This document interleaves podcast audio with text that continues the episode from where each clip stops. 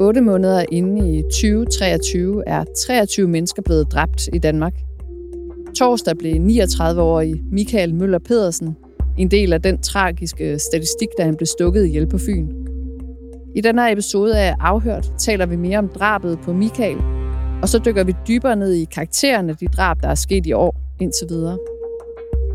Jeg hedder Linette Krøger Jespersen, og med i studiet er min medvært Christian Kornø, og så har vi også Cecilie Erland og Bjarke Vestesen med i studiet. Vi får nogle tips på kriminalreaktionen. Fra forskellige kilder i miljøet. Og det er jo faktisk Virkelig grove forbrydelser, også altså voldsforbrydelser. Hvad ser vidnerne i sagen? Hvem står bag? Hvad er motivet? Ja. Konflikt imellem Forskellige grupperinger. Drab. Vold. Hævn. Hver uge vender vi aktuelle kriminalsager på Ekstrabladet.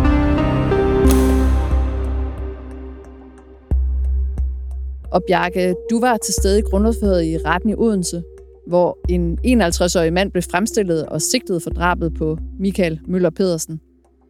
Men kan du starte med at beskrive, hvor drabet det skete? Ja, det skete øh, for enden af en blind villavej, som der jo er rigtig mange af i Danmark. Øh, det skete parallelt med hovedgaden i den by, der hedder Søndersø, en lille by, der ligger nord for Odense. Øh, huset er også meget typisk øh, villa, øh, øh, hvidpudset øh, med rødt øh, eternit-tag, og typisk sådan et sted, hvor der bor en børnefamilie.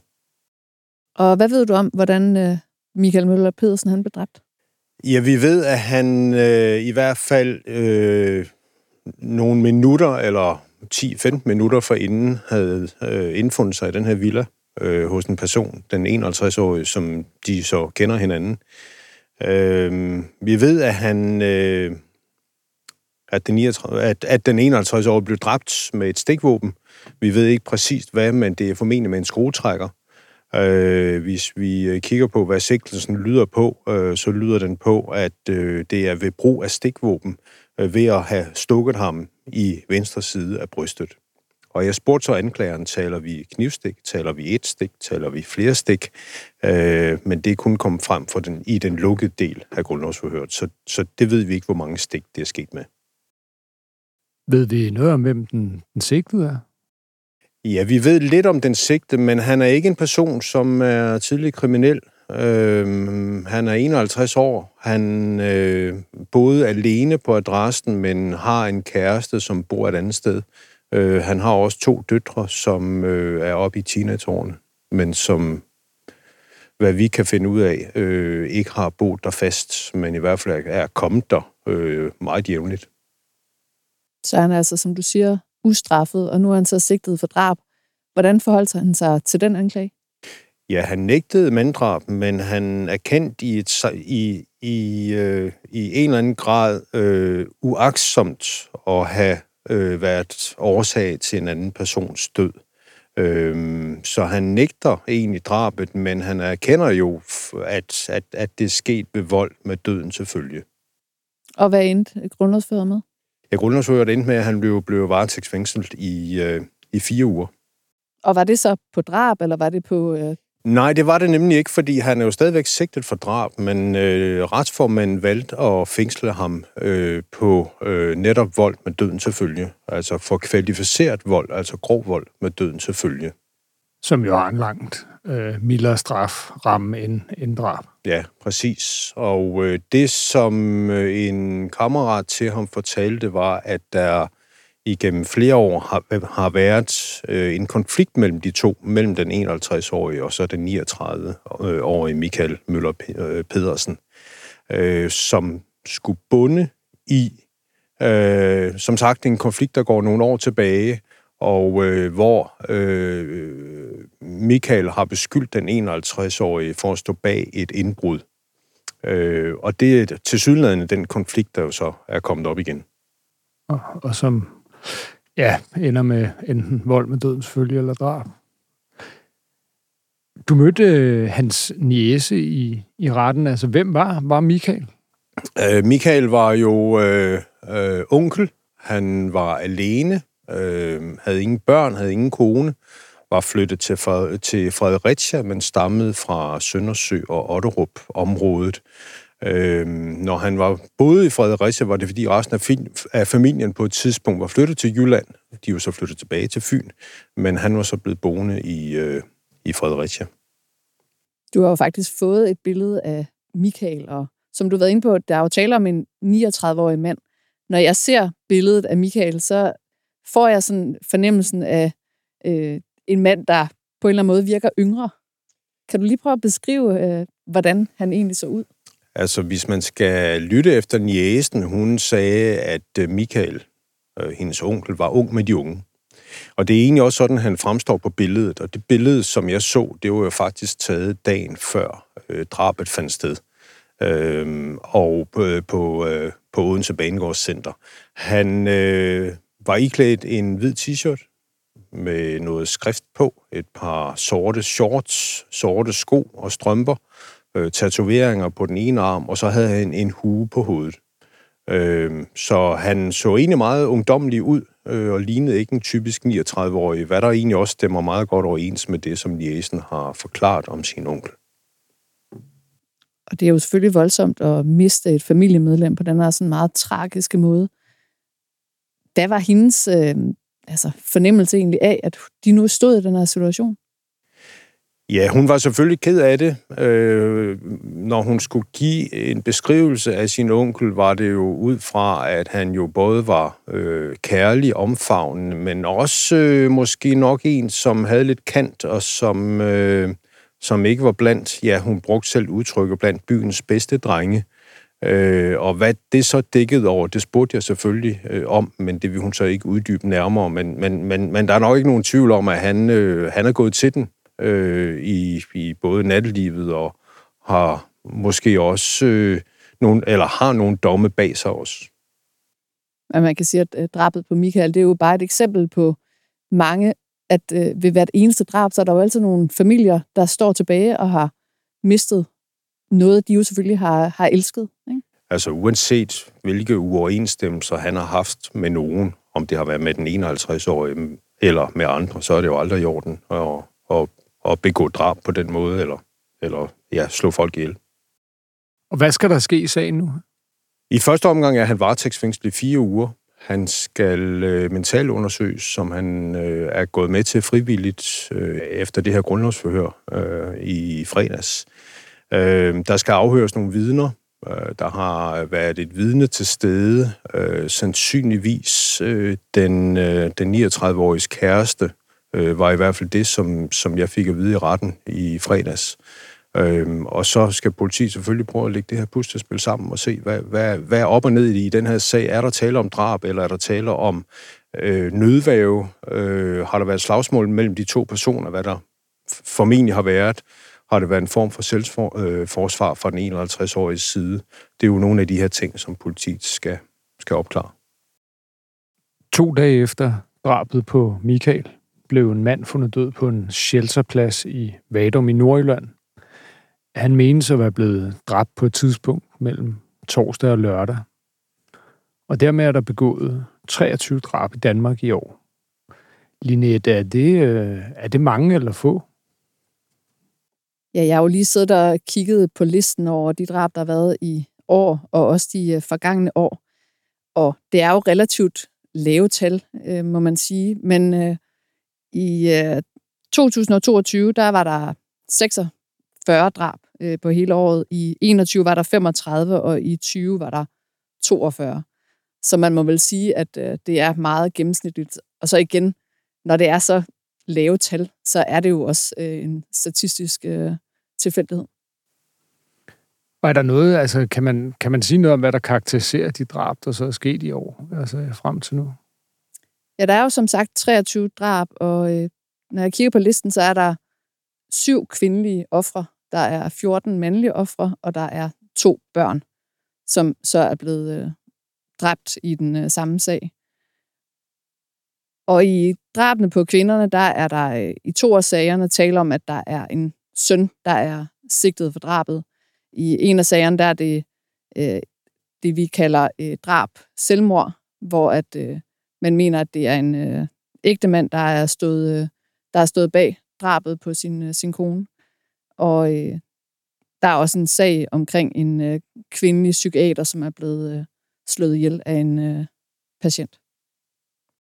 Og hvordan, altså, noget af det, som har slået mig, det er, at øh, der er jo ikke nogen sådan klassiske bandedrab i år. Øh, er det ikke rigtigt, Cecilie? Jo, det er rigtigt. Altså, øh, umiddelbart så det eneste drab, der er begået i år, som man kan knytte til rockerbandemiljøet, bandemiljøet, det er drabet på René Carstensen, der blev slået ihjel den 22. januar på Dragør Fort i år. Og øh, han var altså ikke selv øh, på nogen måde rocker- eller banderelateret. Han var erhvervsmand og, og var driftschef her på Dragør Fort, men man har så senere tiltalt fem med forbindelse til rockermiljøet. Øh, fire af dem er banditersrocker, en er tidligere banditersrocker, og det er så derfor, at øh, det drab kommer med i den statistik. Øh, det er altså øh, Rigspolitiet, der udgiver de her rocker-bande-rapporter hver kvartal, og der fremgår det altså, at der er et enkelt drab fra januar til marts, og det, det, det er ligesom det her drab, vi taler om. Men der har ikke været nogen drab under konflikt eller lignende. Øhm, og, og i forhold til de andre år, og, og helt galt gik det i 2020, øh, kan man sige, hvor der var 16 drab, øh, og så, så har tallet været væsentligt lavere i, i 21 og 22, og nu er altså kun et enkelt endnu.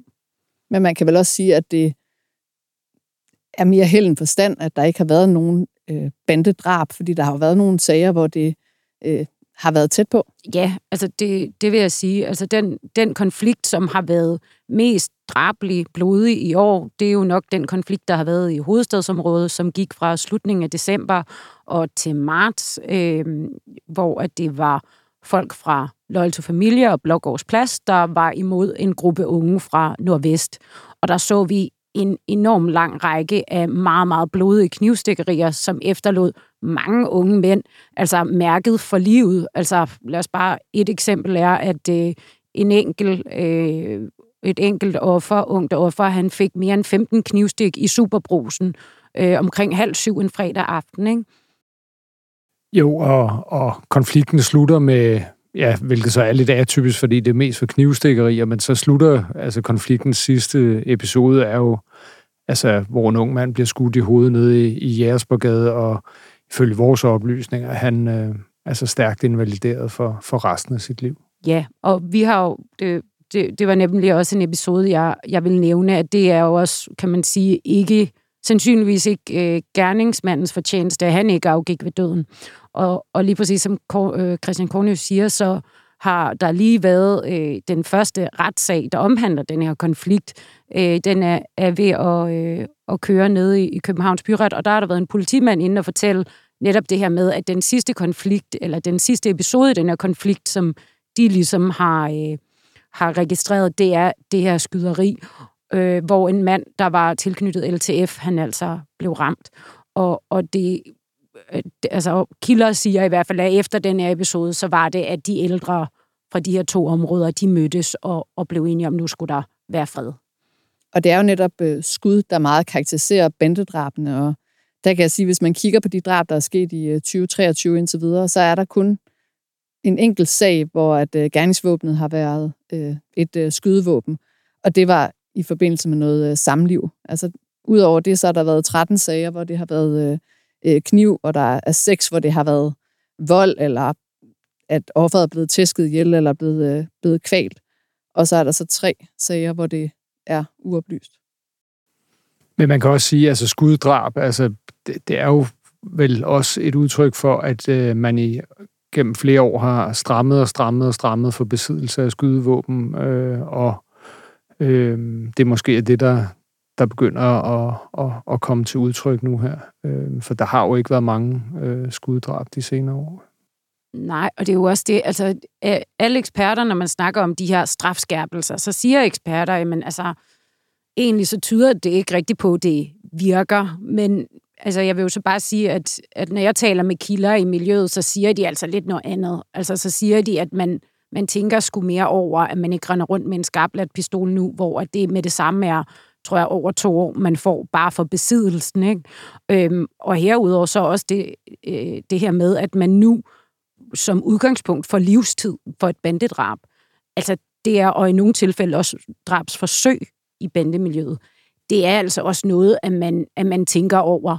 Øh, det, det er i hvert fald alt, hvad, hvad jeg hører, når jeg taler med kilder. Man tænker sig lidt mere om, når, når der lige skal, skal gives igen, og hvor meget skal man demonstrere sin magt, når, når øh, det med det samme kaster en livstidsdom øh, af sig. Ikke? Jo. Og Linette, hvor mange af de her øh, drab i 2023 er så uopklaret? Jamen, der er faktisk ikke nogen uopklaret drab, hvis man øh, tager det på den måde, at der er en eller flere, der er sigtet for drabet. Så øh, på den måde, så er der ikke nogen uopklarede sager i 2023. Og det er jo nok igen meget betegnende, at der netop ikke er nogen klassiske bandedrab øh, i det. Ja, fordi at det er, altså hvis vi for eksempel kigger på sidste år, så er der jo altså stadigvæk nogle uopklarede drab, som, som man ikke rigtig er kommet til bunds i, også hvis man kigger lidt længere tilbage. Og det er bare ofte de her, øh, de her drab, hvor det er banderne imellem. Altså det, det er sværere at finde ud af, hvem det er, når, altså i forhold til de her nærdrab, som der jo er så mange af. Er der, er der flere sådan kategorier af, af drab, som de her drab kan inddeles i? Ja, vi har jo tidligere her i afhørt øh, talt omkring øh, drab, der er begået af psykisk syge. Og når jeg ser på listen, så er der øh, fem drab, hvor at øh, den sigtede han er blevet varetægtsfængslet i surrogat på en øh, psykiatrisk afdeling. Så det er jo altså lige med hovedregning, altså knap hvert femte drab. Altså et af de øh, seneste drab begået af psykisk syge øh, fandt jo sted for nogle uger siden, hvor en øh, 42-årig mand jo øh, med kniv øh, dræbte sin 75-årige mor i en villa i Årslev. Øh, og han blev også varetægtsfængslet i, i surrogat, altså på en lukket øh, psykiatrisk afdeling. Ja, hvis man vil høre mere om det, så talte vi om det i afhørt øh, 25. juli.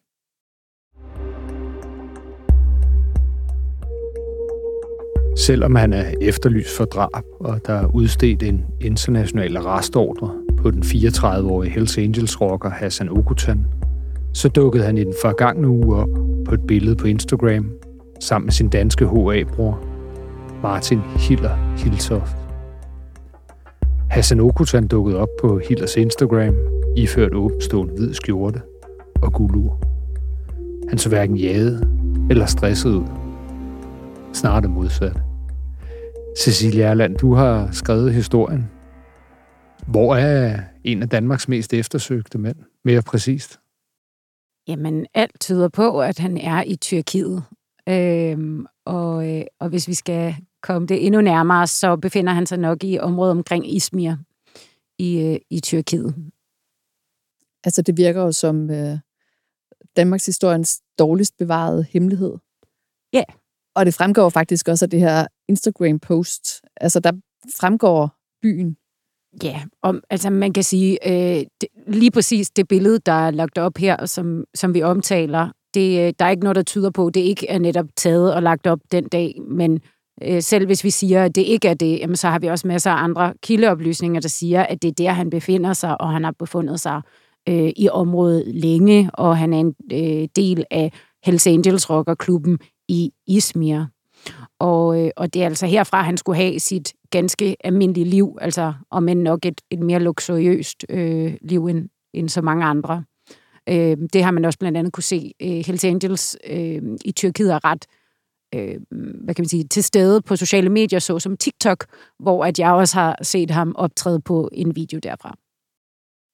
Cecilie, man kan se billedet på Ekstrabladets hjemmeside, men kan du ikke lige prøve at beskrive det her billede, hvor Hassan Ogutan stiller sig frem? Jo, altså det er øh, tre mænd, der står og har armene rundt om hinanden, kan man sige. Øh, de står på række og kigger ind i kameraet. Og Hassan Ogutan, han er skaldet og har sådan alligevel et ret tæt fuldskæg, kort fuldskæg. Og så har han åbenstående lys skjorte. Og her der kan man ligesom se øh, en tatovering af en abe, der holder sig for øjnene. Øhm, og det er så også øh, en tatovering, man har kunne se på tidligere billeder, vi har haft af ham. Samtidig så har han sådan øh, opsmået ærme, så, og så kan man se, at der pryder et ret stort gulur øh, på hans arm. Og øh, ved siden af, i midten øh, på det her billede, der er en øh, tyrkisk gangsterboss, en Hells Angels øh, rocker, som bliver kaldt Nekati. Og han er meget kendt i Tyrkiet. Øh, han har sin egen Wikipedia-side, og så er han tidligere øh, dømt for meget alvorlig kriminalitet i Tyskland. Øh, fra Tyskland blev han øh, udvist efter en lang fængselsdom, og har så efterfølgende øh, er gået ind i ja, Hells Angels i Tyrkiet, hvor han er meget, meget højt oppe i hierarkiet. Øhm, og øh, ifølge andre artikler kan man i hvert fald læse frem til, at også han har stået lidt i samme øh, situation, at man i Spanien godt ville have ham udleveret i forbindelse med en sag om nogle bordeller, men det kunne man altså heller ikke, fordi at han altså var, var tyrkisk statsborger, og de ikke udleverede deres egen statsborger. Og til sidst i billedet, jamen, der står altså Martin Hiltoft, den her danske Hells Angels rocker, som er ganske, øh, hvad kan man sige, populær i hvert fald på sociale medier, altså på Instagram og TikTok, hvor han har profiler og har rigtig, rigtig mange tusind følgere. Og de står altså, det ligner det aften, og der er sådan lidt hyggelig gadebelysning i baggrunden. Men kan man konstatere, at øh, Martin Hiltoft ikke har lagt det her billede op, uden at det ligesom er, øh, hvad kan man sige, godkendt øh, Hassan Okutan? Det tør jeg godt sige øh, at det ville være højst usædvanligt, hvis det er, at øh, han skulle lægge det her billede op, uden at hans øh, rockerbror, efterlyste rockerbror, skulle have sagt god for det. Og så vil jeg lige sige, at det her, det er jo så en ting, at han har valgt at lægge det her op, så man kan se det altid. Derudover så er der også de her Instagram stories, som er sådan nogle, man tager mere i øjeblikket, og som forsvinder inden for 24 timer. Dem har der altså også været flere af. Så at sige, det her, altså, øh, det her, det er rimelig overlagt, øh, tør jeg godt sige. Og hvad signalerer det her billede? Ikke? Jamen altså, øh, jeg har talt med en kriminolog, øh, David Savsdal, som, øh, som ligesom siger, jamen det er da en måde at sige på, altså at man er above the law, at man er ligeglad, og, og man kan sige på mange måder, så er det jo lige præcis det, de her 1%'er klubber er, så, så som Hells Angels, det er jo at sige, at vi, vi lever ikke efter samfundets regler, øhm, og, og det her, det er jo bare at vise, men vi, vi er ligeglade, altså det, det er der at, at grine danske myndigheder lidt op i hovedet, tør jeg måske godt sige. Men altså, hvordan kan det overhovedet lade sig gøre, at han kan på den måde træde frem og fortælle, hvor han er henne? Han er efterlyst for drab. Altså, hvorfor er det, at øh, dansk politi ikke bare kan, kan nappe ham? Altså man kan sige, han, at, at træde frem og efterlyse, hvor han er, altså det er jo så igennem øh, Martin Hiltofts profil, altså hans øh, danske rockerbror. Det er ham, der lægger det op. Men øh, det kan det sandsynligvis, fordi han ifølge vores oplysninger har dobbelt statsborgerskab, altså et dansk statsborgerskab og et tyrkisk statsborgerskab. Og Tyrkiet, de udleverer ikke egne statsborgere. Vi har også set det i andre sager, altså for eksempel den her dronesag, der var for nogle år tilbage, hvor at øh, tre andre de blev dømt, men en, en enkelt går frit, altså blev der også fortalt, dengang man gik frit rundt i Tyrkiet, fordi at han ikke kunne udleveres. Øh, så det er mm, med al sandsynlighed det, der er årsagen til, at han kan gå frit rundt i Tyrkiet. Og dronesagen var jo øh, den her IS, altså islamisk stat-relateret sag, hvor mm. nogen blev dømt for at levere øh, droner og dronedele ned til øh, det selvudråbte kalifat. Mm. Og deres ja. kamp mod øh, blandt andet de vestlige styrker. Ja, lige præcis. Men det, det var jo samme princip, det der med, at man vidste præcis, hvor han befandt sig. Øh, man kunne bare ikke rigtig gøre noget. Altså, der var en ekspert, der på det tidspunkt sagde, at det, det man kan gøre, altså jeg håber på, det er, at hvis han, eller hvis det er Hassan Okutan, rent faktisk, altså det er det, der er hans situation. Altså det her, det er jo også noget, hvor vi, man kan sige, det er fra kildeoplysning og så videre. Altså vi har ikke sort på hvidt, at det er derfor, de ikke udleverer ham. Men det er nok det bedste bud. Men hvis det er, at han skulle til Danmark, så tyder alt lige nu på, jamen så skulle han tage til et andet land, hvor at man godt vil udlevere ham til Danmark. Han har sådan en red notice på øh, igennem Interpol. Eller også så skulle han melde sig selv Øh, eller også skulle Tyrkiet lave den her lov om. Og når øh, du siger red notice på Interpol, så er det jo sådan, at hvis han for eksempel krydser en grænse, eller mm. tager med et fly, at så vil der ligesom mm. komme sådan en, øh, ja. en lampe, der lyser. Øh, Rødt, ja. ja. I overført betydning. Ja. Og, øh, hvis han rejser på sin egen identitet. Ja, lige præcis. Men, øh, men indtil videre, jamen så, kan, altså man kan sige, han øh, begik jo ifølge dansk politi et drab her tilbage i øh, 2019. Og så var der nogle år, hvor man ikke vidste, hvor han var, og så kunne Ekstrabladet faktisk fortælle allerede i maj sidste år, at alt tydede på, at han var i Tyrkiet. Og det her er jo så en for, altså, det her er jo så endnu et bevis på, at det, det er det, er han, der, han er. Ikke? Og hvad er det så for en drab, han er, han er efterlyst for? Kan, kan du sige lidt mere om det? Ja, han er efterlyst for drabet på øh, en af hans tidligere venner, Thomas Tito Josic. Og øh, han blev likvideret i Rødovre 4. maj 2019 da han var øh, omkring kl. 22, da han var på vej ud til sin bil. Han havde besøgt en ekskæreste, og, øh, og så er det, at han bliver, øh, at han bliver likvideret. Og, og kort tid efter, så er det altså, at man, øh, man sigter øh, Hassan Okutan for, for drabet, og man øh, udsteder den her internationale arrestordre. Men du siger, at det var hans ven, eller de var, havde været venner? Ja, lige præcis. Altså, det er jo, de var jo en del af, af den her gruppering i grupperingerne, som altså, blev kaldt Brothers in Arms. De har også øh, flere af de her mænd øh, tatoveret BIA øh, et sted på kroppen for Brothers in Arms, øh, angiveligt. Og øh, de var jo først medlem af, af Banditas, Øhm, og nu siger du de, altså det var en trio?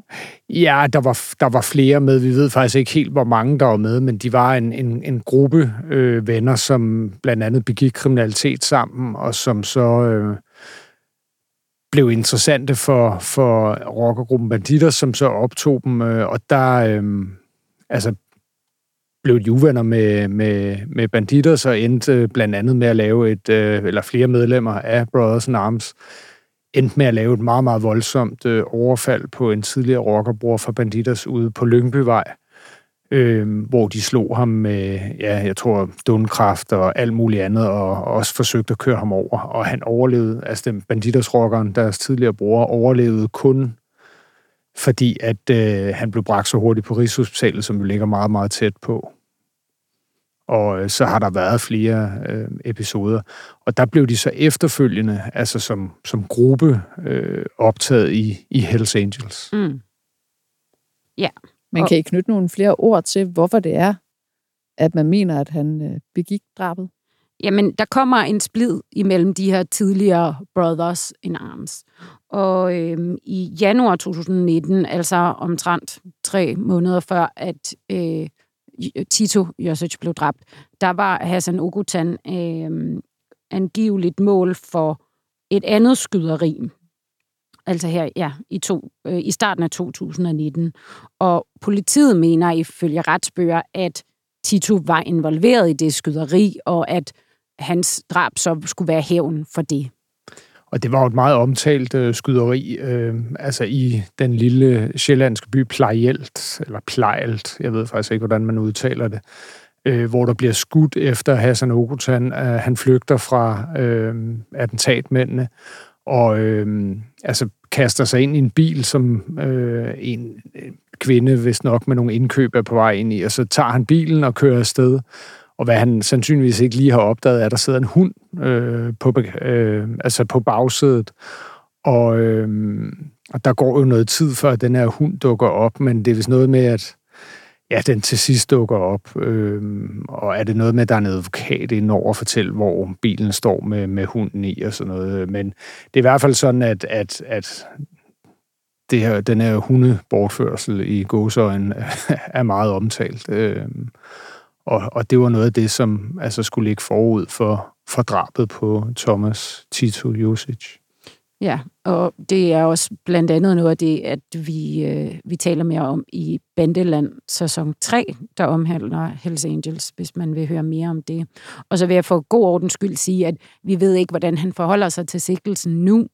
Øh, han har tidligere nægtet sig skyldig, og, øh, og, og det var dengang, at Erbil Kaja og hans advokat vi, det er indtil videre ikke øh, været muligt for os at finde ud af, hvem der er hans advokat nu. Så vi, vi arbejder selvfølgelig på at, at finde ud af, hvordan han, han forholder sig til sigtelsen, om der har været nogen yderligere retslig udvikling. Øh, så, så vi selvfølgelig også får, ja, arbejder på at få den del på plads. Og hvad er Hassan Ugutans øh, status nu inden for Hells Angels?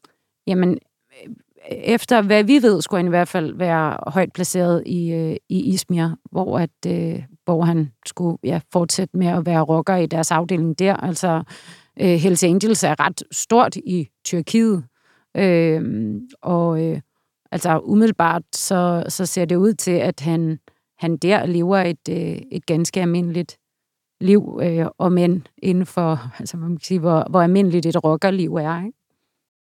Og det er jo ikke noget, der er gået fuldstændig upåagtet hen, også i det politiske system, at øh, Hassan Ogutan, han på den her måde, hvad kan man sige, griner myndighederne op i ansigtet. Jeg ved, du har talt med Peter Skårup. Mm. Hvad siger han? Jamen, han synes jo selvfølgelig, at det er lidt skadeligt for retsfølelsen, at man kan være drabsefterlyst i Danmark, og så samtidig åbent befinde sig i Tyrkiet, hvor man fester og øh, umiddelbart lever uden at være bange for at kigge sig over skulderen. Men, øh, men altså, og, og grund til, at jeg også lige talte med ham, det var fordi, at han efter at vi havde afslørede sidste år, at han befandt sig i Tyrkiet, stillede spørgsmål til øh, Kåre Dybvad, der dengang var udlænding- og integrationsminister, omkring, altså han ville godt have noget red, altså, havde redegjort for, hvordan det her kunne lade sig gøre. Og dengang, der var svaret også i, med en, i redegørelsen fra øh, Københavns Vestegns politi, at man faktisk ikke med sikkerhed kunne sige, hvor at han befandt sig henne, men at man gjorde, hvad man kunne for at få ham hjem. Og så var der ikke så meget mere om det. Øhm, og det er selvfølgelig også noget af det, vi, vi arbejder på at finde ud af, er der sket mere siden der, og nu hvor at man kan sige, han er altså, han er sgu lige der, kommer det til at gøre nogen forskel. Ikke? Øh, men han synes i hvert fald, at det er, er beskæmmende, at, øh, at det er, som det er lige nu. Og Peter Skorp, han er i Folketinget for Danmarks Demokraterne. Ja. Og der må man bare sige, at øh, altså, der har Tyrkiet udviklede sig lidt til sådan et safe haven for deres egne statsborgere, som begår altså alvorlig kriminalitet rundt i, i verden. Øhm, altså Australiens mest eftersøgte mand, Hakan Ayik, øhm, vælter sig angiveligt også i, i luksus i Istanbul, efter han i mere end 10 år levede som gangsterboss i øh, Australien. Øhm, og den svensk-kurdiske narkoboss Rava Majid, øh, som har efterladt spor af skyderier, bomber og blod i sit kølvand. Han skulle efter sine også øh, sidde og, og leve et, et luksusliv øh, i Tyrkiet. Så der er sandsynligvis lange udsigter for at få udleveret øh, ja, en mand som Hassan Okutan. Så der er i hvert fald flere eksempler på øh, præcis det, som øh, det tyder på, at øh, Hassan Okutan har gjort. Er det lykkedes der at få et øh, svar fra justitsministeren på det her? Nej, ikke nu. Det er også det. De, de arbejder også på, lige på at vende tilbage og se, hvem er det egentlig præcis, der skal svare på det her. Og sådan, øh, fordi vi vil selvfølgelig gerne høre, jamen, hvad, hvad har, har der været noget øh, snak med de tyrkiske myndigheder? Fordi det havde der i hvert fald ikke der i maj sidste år været. Altså der, der var, sagde politiet, de, de måske havde øjne på, politi- eller på Tyrkiet, men, men de vidste faktisk, kunne faktisk ikke præcis sige det, der han var. Så vi er selvfølgelig også interesserede i at høre, om der har været en eller anden udvikling, der nu gør, at han føler sig endnu mere sikker i sadlen, siden at han nu viser så, så åben frem på sociale medier. Øh, ja, men vi følger selvfølgelig sagen. Tak for øh, det, Cecilie. Vi øh, venter spændt på, om der øh, kommer en udvikling. Tak til Søren Gregersen, som producerer programmet, og ikke mindst tak til jer derude, der lytter til Afhørt.